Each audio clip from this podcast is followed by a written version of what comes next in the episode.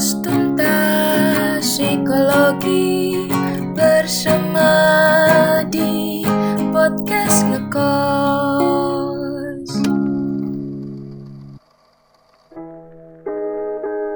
Halo Sobat Ngekos, welcome back to Podcast Ngekos. Ngobrol sore bareng anak Sosmas Hai semuanya, hai Sobat Ngekos, selamat datang di Ngekos Season 3 episode 2 Gimana nih Sobat Ngekos, masih semangat nggak puasanya? Atau udah ada yang bolong nih?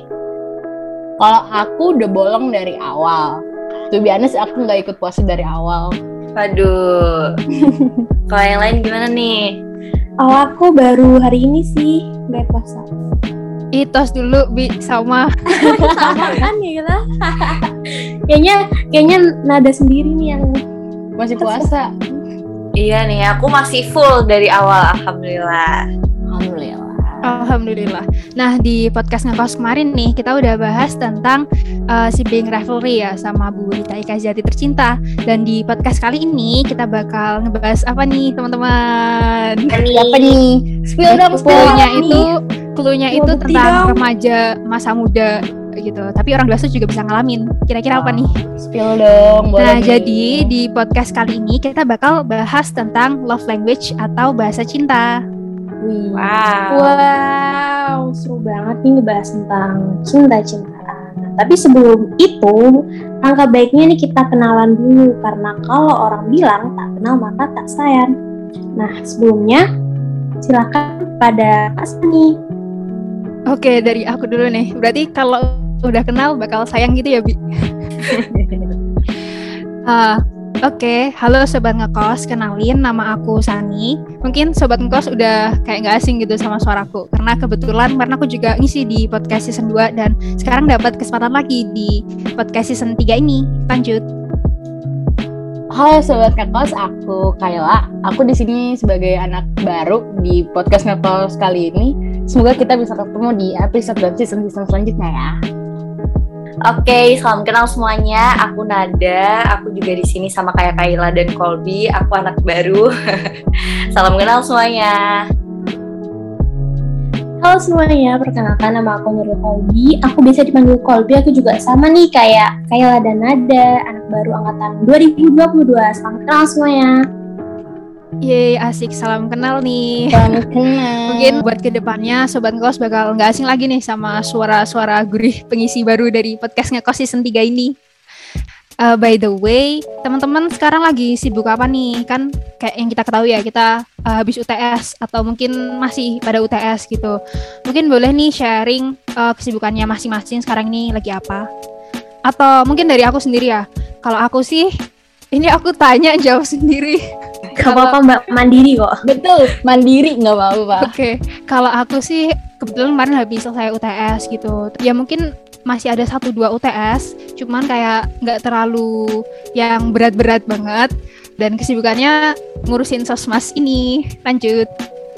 Kalau aku tuh honest masih sekitar kuliah. Presentasi-presentasi yang datang banyak banget tiba-tiba. Sama tugas-tugas UTS juga. Sama ini ngatur circle-circle yang mau bukber tuh sama pacaran, work life balance. Semuanya harus balance antara pacaran, kuliah, main tuh semua harus balance, guys. Kayak gitu kalau aku. Rawi banget ya, Kai. Lengkap banget ya kalau dari Kayla. Nah, kalau dari aku sendiri, aku sekarang lagi sibuk nyelesain deadline uh, UTS-UTS yang masih take home. Terus juga uh, karena Ramadan, terus juga jadi panitia Ramadan di rumah, terus juga ada event eksternal. Jadi mungkin itu sih uh, kesibukannya itu-itu aja, muter di situ gitu. Wah, Iya, semangat. sama sih kalau lebih. Aku itu juga lagi nyelesain deadline, terus bentar lagi nih hari Senin ada deadline-nya dari psikologi klinis yang bener-bener buat panik banget gak sih? Panik-panik TBL. Takut banget lah. Oke, kan kita udah uh, kenalan nih di sini semuanya. Nah, terus kali ini kita kan mau bahas nih soal love language. Artinya sendiri itu bahasa cinta. Ini juga sempat ramai nih di Instagram, TikTok, dan uh, sosial media lainnya soal uh, soal love language. Tapi sebenarnya uh, arti dari love language sendiri itu apa sih? Um, jadi buat yang belum tahu nih, love language itu dijelasin di buku The Five Love Language Sobat Pengkos. Kalau love language itu atau bahasa cinta tadi, ini tuh apa ya kayak perilaku yang bikin kita tuh merasa dicintain, ngerasa disayang sama orang itu gitu. Dan tau gak sih, love language setiap orang itu beda-beda loh urutannya. Ah iya, cara taunya gimana tuh kira-kira? Atau mungkin ada nggak sih web buat ngecek love language kita? Caranya tuh gampang banget. Kamu tinggal googling tes love language. Nah, ntar cari yang paling atas aja pokoknya. Nanti kamu disuruh pilih satu di antara opsi yang ada. Nah, di akhir tes biasanya itu nanti ketahuan tuh urutan love language kamu itu apa. Nah, top 2 dari urutan tadi itu yang jadi love language kamu. Nah, kalau aku sendiri, love language-nya itu eco sama quality time. Mungkin Kak Sani, Kayla, dan Nada apa nih? Bisa disebutin dong? Ah, kalau aku sih uh, udah coba ngetes ya beberapa waktu yang lalu.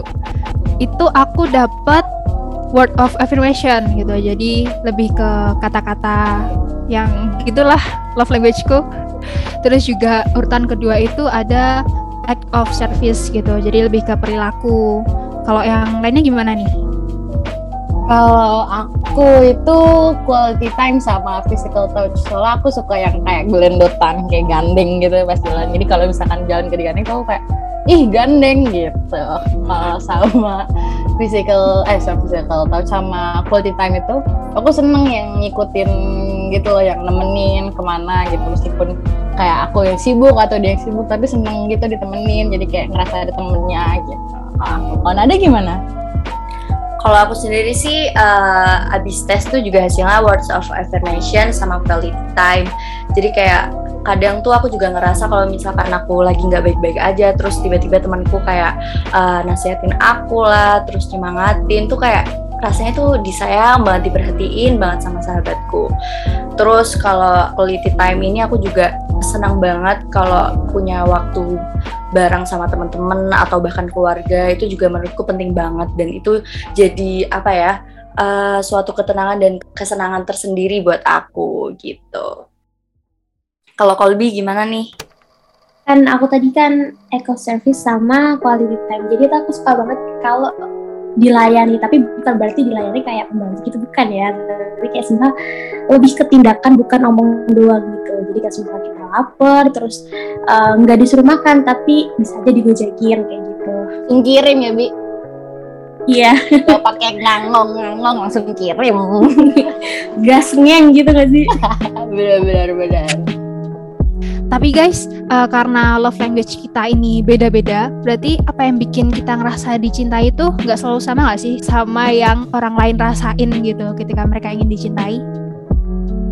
Iya bener banget, iya bener banget, bener banget. Karena kan tadi buktinya kita berempat aja beda-beda urutannya, top 2-nya aja beda-beda. Apalagi orang-orang lain juga gitu. Uh, kalau gitu gimana sih cara ngadepin pasangan terus temen atau bahkan keluarga kita dengan love language yang berbeda.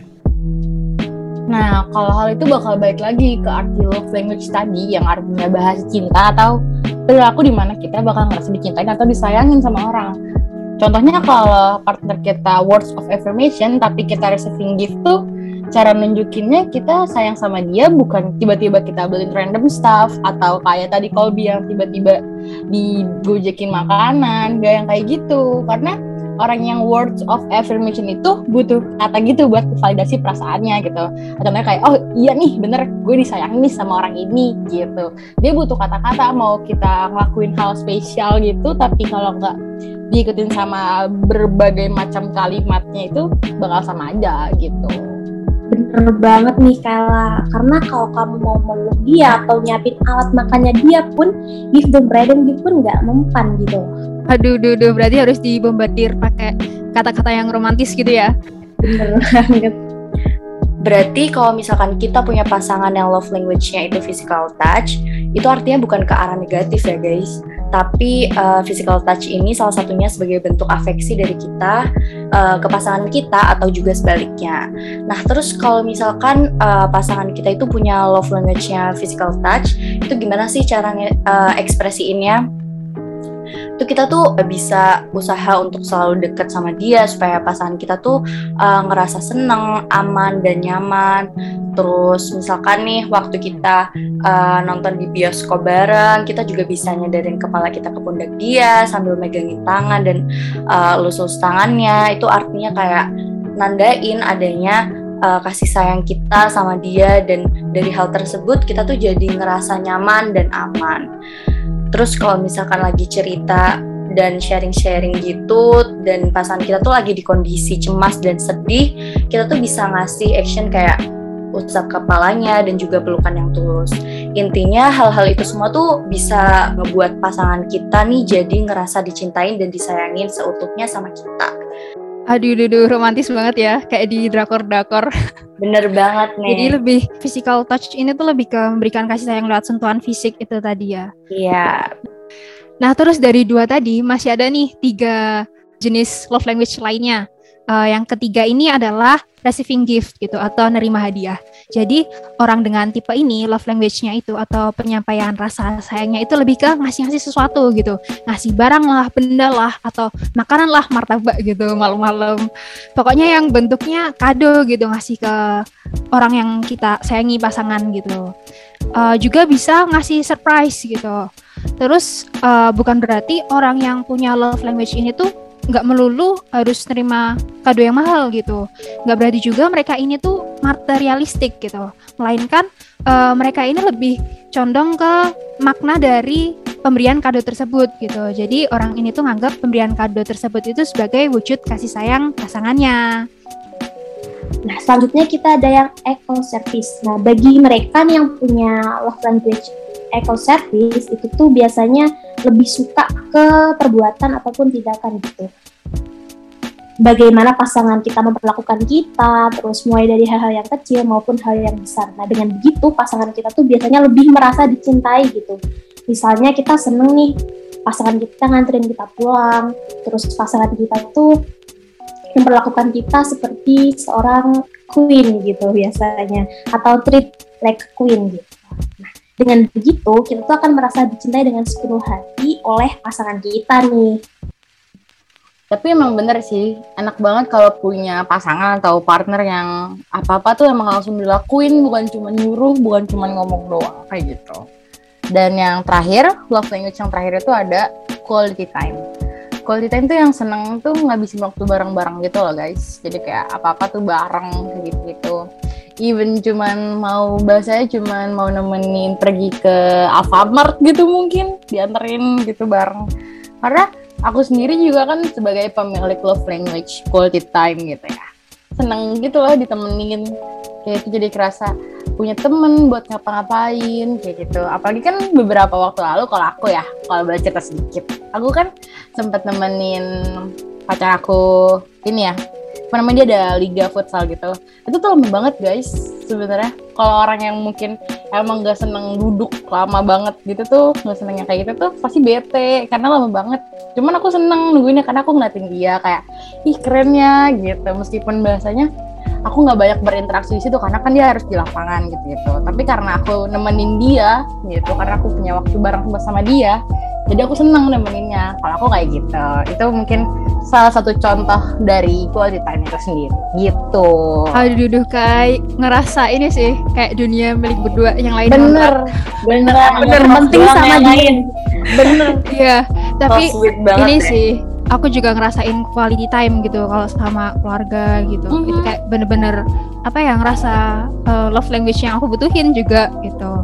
Jadi banyak banget ya ternyata love language uh, yang dimiliki orang itu. Dan setiap orang tuh beda-beda gitu love language-nya. Jadi kita uh, harus berusaha memahamin love language yang kita miliki ini tuh apa sih? Dan love language yang pasangan kita miliki itu apa sih? Gitu Iya bener banget nih semuanya dan sekarang kita bakal bacain pertanyaan di question box yang pernah kita share di Instagram Hima Psikologi UNY. Oke lanjut, jadi buat sobat ngekos yang belum follow Instagram kita uh, bisa pause dulu nih podcastnya, terus buka Instagram, terus search Himasi UNY, terus di follow ya jangan lupa. Nah kalau udah baru deh kalian ke sini lagi. Aduh, duh, S3 marketing banget gak sih? Promosi ini, banget. Ini promosi terselubung Tapi gak apa-apa, biar teman-teman tuh lebih tahu informasi yang kita share di Instagram Benar. Bimas Psikologi ini apa. Biar lebih up to date. Benar. Dan Jadi bermanfaat tentunya ya. benar. Jadi pertanyaannya ada apa aja nih? Ini aku bacain ya beberapa pertanyaan yang masuk ke Instagram kita Hima Psikologi UN-nya. Yang pertama itu ada bisa nggak sih love language kita itu berubah? Love language itu bisa berubah ya teman-teman? Bisa, bisa. Bisa. Nah, eh, jadi love language itu tuh bisa berubah tergantung pada lingkungan kita dan waktu juga sih. Karena kan kehidupan kita ini kan selalu berjalan gitu ya dan bakal berubah seiring waktu gitu. Eh, lingkungan kita juga bakal berubah. Pengalaman-pengalaman hidup yang kita alami itu juga semakin banyak gitu, semakin bervariasi. Banyak orang baru yang datang dalam kehidupan kita, yang mana mereka ini juga ngajarin berbagai pelajaran baru, pengalaman baru gitu. Dan hal itu tuh bisa mempengaruhi eh, love language yang kita miliki gitu. Contohnya kayak misalnya sebelumnya kita punya love language ini eh apa ya receiving gift gitu ya. Terus kita eh, ketemu sama lingkungan yang love language-nya itu kebanyakan word of affirmation gitu. Karena kita lama kelamaan berbaur sama mereka, terus kayak nyaman dengan word of affirmation yang mereka berikan, alhasil kita juga bisa nih terpengaruh dengan love language yang mereka miliki. Love language kita akhirnya berubah gitu. Bener banget nih. Love language tuh bisa berubah. eh, misalnya juga bisa juga tergantung sama mood yang lagi kita rasain atau juga eh, benar tadi kata Mbak Sani bilang kalau eh, bisa berubah dalam beberapa waktu. Sama mungkin aku juga mau nambahin contohnya eh, kayak sederhananya tuh kalau kita misalkan kita lagi ngalamin eh, hari yang buruk banget gitu. Dan tadinya tuh self language kita tuh word of affirmation tapi terkadang kita tuh lebih butuhin kayak eh, sekedar pelukan aja daripada kata-kata yang kadang tuh kita udah eh, kayak capek sendiri gitu buat dengerin buat dengerin itu gitu. Ih bener banget. Nggak nggak tahu sih. Ini pengalaman aku waktu ini ketolak-ketolak mulu buat masuk PTN. Aku sampai muak banget tahu denger orang ngomong semangat. Kayak orang kan ngomong semangat ya, semangat gini-gini, semangat ini ini ini. Karena saking dari awal kelas 12 orang ngomong semangat tuh jadi muak denger orang ngomong semangat gitu. Jadi senangnya kayak Udah kenyang ya, Kai? iya udah kenyang dengerin orang ngomong semangat. Oke, next pertanyaan selanjutnya nih, apakah ada dampak buruk dari love language? Em, coba aku jawab ya. Jadi Oke. coba mungkin kita sebutin semuanya kali ya lima limanya jadi yang pertama words of affirmation jadi kan karena dia itu ngerasa disayang dicintain itu dari kata-kata jadi kalau ada orang yang ngomong ke dia tapi dengan konotasi negatif kritik dan sejenis itu bikin dia malah sedih gitu jadi perkataan negatif dari orang itu dimasukin ke eh ke hati gitu sama dia. Bahkan kalau orang itu nggak bermaksud kayak gitu atau itu cuma joke gitu cuma bercanda gitu tapi dia bakal nganggap itu serius gitu loh kata-kata negatif itu. Gitu terus ada quality time. Quality time kan dia tuh seneng yang bareng-bareng terus gitu gitu kan. Tapi berarti dia bakal jadi sedih gitu kalau pasangannya itu lagi sibuk gitu. Jadi nggak bisa bareng-bareng terus sama dia gitu kan.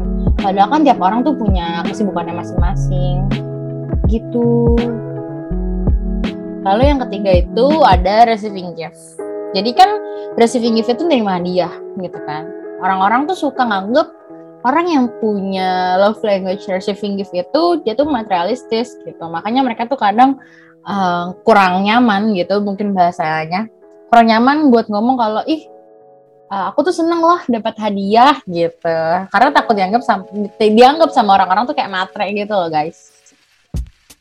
Terus yang keempat ada act of service. Nah act of service ini mirip sama love language yang quality time gitu. Orang yang punya love language act of service bisa ngerasa nggak dicintain itu kalau orang yang dia sayang atau pasangannya itu nggak bisa ngebantuin dia nggak ada waktu buat ngebantuin dia meskipun karena ada urusan yang lebih mendesak sekalipun kayak gitu. Nah, yang terakhir ada physical touch. Physical touch itu tadi sentuhan yang secara langsung gitu. Tapi sayangnya physical touch itu sering disalah artiin sama orang-orang kayak yang tadi udah disebutin. Beberapa orang tuh mikir kalau physical touch itu ngarah ke hal-hal yang berbau negatif atau seksualitas gitu. Maka dari itu, orang-orang yang punya love language ini tuh harus lebih pinter buat uh, self, punya self control yang baik kayak gitu. Ada yang mau nambahin? Aku mau nambahin, aku juga setuju banget sama yang tadi udah disebutin sama Kayla. Dan kalau dari aku pribadi, karena uh, love languageku sendiri itu word of affirmation uh, bener banget tadi yang udah disebutin Kayla bahwa kadang tuh aku juga ngerasa kalau misalkan ada omongan-omongan yang negatif ataupun terlepas uh, itu tuh kayak cuma bercanda ataupun uh, mungkin bagi mereka tuh itu tuh biasa aja gitu tapi kalau misalkan uh, udah kena di aku tuh jadi bisa kepikiran nyampe berhari-hari bahkan kayak jadi ngerasa gelisah gitu karena kayak uh, apa namanya terlalu dibawa hati banget gitu. Bener banget, aku tuh kenal orang yang salah satu love language itu word of affirmation. Dia itu mau kita ngelakuin apa pun yang spesial gitu, nge-treat dia dengan baik gitu. Tapi kalau di, kita nggak barengin sama kata-kata yang menyenangkan mungkin bahasanya di kuping dia, dia tuh bakal tetap nanya kayak, lo dasarnya tuh lo tuh sayang gak sih sama gue bakal tetap butuh validasi gitu loh di otak mereka soal hal yang terjadi di depan mata dia kayak gitu Ah, jadi beragam banget ya dari dampak pemahaman love language masing-masing orang gitu. Dan juga dampak buruk lainnya dari kita gagal memahami love language yang kita miliki dan juga love language yang pasangan kita miliki. Itu dampaknya bakal ke hubungan kita gitu, hubungan kita dan pasangan kita. Kayak kita jadi kurang perhatian sama pasangan kita karena kita gagal memahami apa sih love language yang dia butuhin gitu dan juga kita nggak tahu love language apa yang kita butuhin gitu. Alhasil apa yang pasangan kita berikan itu kayak eh, salah-salah aja gitu rasanya, kayak kurang puas gitu. Iya, jadi biasa aja karena karena itu tadi karena bukan love language kita, jadi hubungannya jadi kayak ya udah biasa aja, jadi hambar gitu bahasanya. Jadi karena kalau kita ditreat sesuai sama bahasanya sama love language kita, kita tuh bakal ngerasain ini loh guys, butterfly gitu, butterfly in my stomach gitu bahasanya kalau di film-film. Ini kayak perutnya geli gitu karena ngerasa kayak apa namanya salting salting kayak gitu. Terus aku pernah baca jadi kalau kita mau nyari pasangan gitu itu salah satu dari love language kita tuh harus sama guys kan kita tuh love language itu dilihat dari top 2 nya itu kan urutan yang paling atas satu sama duanya. Nah di antara satu sama dua yang kita punya itu harus sama kayak satu atau dua dari pasangan kita. Jadi nggak ada misleading gitu loh jadi nggak miskom gitu rasa apa cara penunjukan kasih sayangnya itu. Jadi sama masuk gitu loh gitu. Setuju sih sama Kayla. Nah makanya kenapa kita tuh perlu memahami love language pasangan kita itu tuh biar kita juga bisa saling memahami dan menjaga hubungan kita sama orang-orang yang kita sayang Nah, ini masuk ke pertanyaan terakhir yaitu ada nggak sih cara buat memahami love language kita dan pasangan kita gimana tuh? Tadi beberapa kita spill-spill sedikit. Mungkin ada yang mau nambahin lagi? Mungkin aku pengen jawab ya pertanyaan ini, cara kita memahami love language yang kita miliki dan juga pasangan kita gitu. Kalau dari sumber yang aku baca, salah satu caranya itu dengan bikin jurnal gitu, journaling.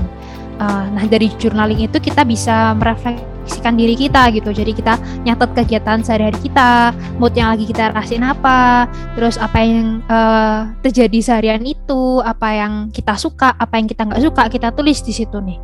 Nah, karena kita udah nulis di situ, kita tuh bisa merefleksikan diri kita sebenarnya uh, apa sih yang kita suka dan apa sih yang nggak kita suka kita jadi lebih paham nih sama diri kita gitu alhasil kita bisa tahu kira-kira uh, kita tuh pingin orang lain tuh memperlakukan kita kayak gimana sih gitu nanti merujuk ke love language-nya yang kita milikin. Terus juga terkait memahami love language pasangan kita, itu caranya dengan uh, kita ya mengamati lah orang-orang di sekitar kita atau mengamati pasangan kita gitu. Uh, love language yang mereka harapkan tuh kayak gimana sih? Apakah pas mereka dikasih word of affirmation mereka jadi tersipu gitu, lebih lebih energik gitu atau ketika dikasih hadiah mereka lebih bersemangat gitu.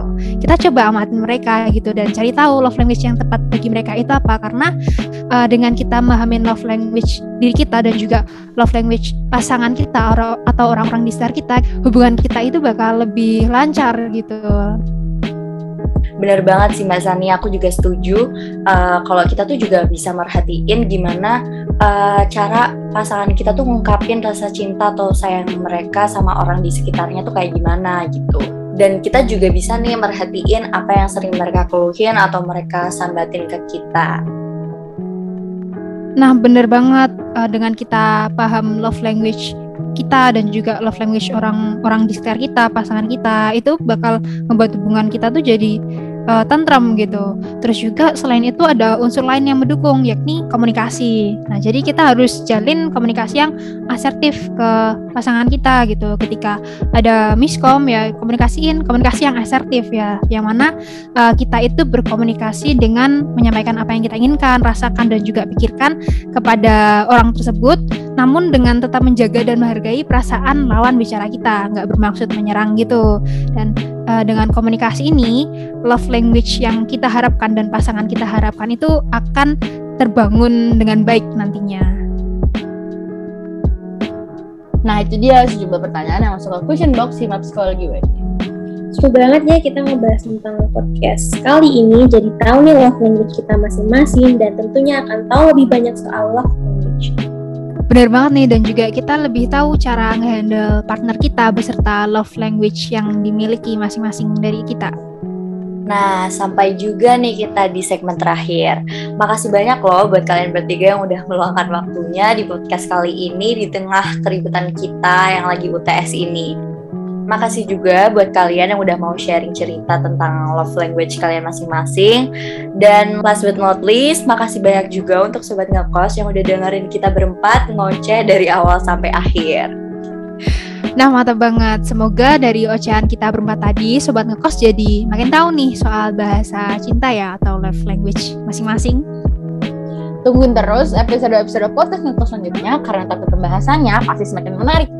Dan jangan lupa buat Sobat Ngekos, cek podcast Ngekos di Anchor, Spotify, dan juga Youtube kita biar nggak ketinggalan sama info terbaru dari podcast Ngekos atau bahkan kegiatan Hima kita, follow Instagram at himapsiwanya ya semuanya. Aku Kayla. Aku Sani. Aku Nada. Dan aku Kobi. Kami undur diri. Sampai jumpa semuanya. See you next episode. Bye-bye. Bye, Bye. Bye semuanya. Terima kasih.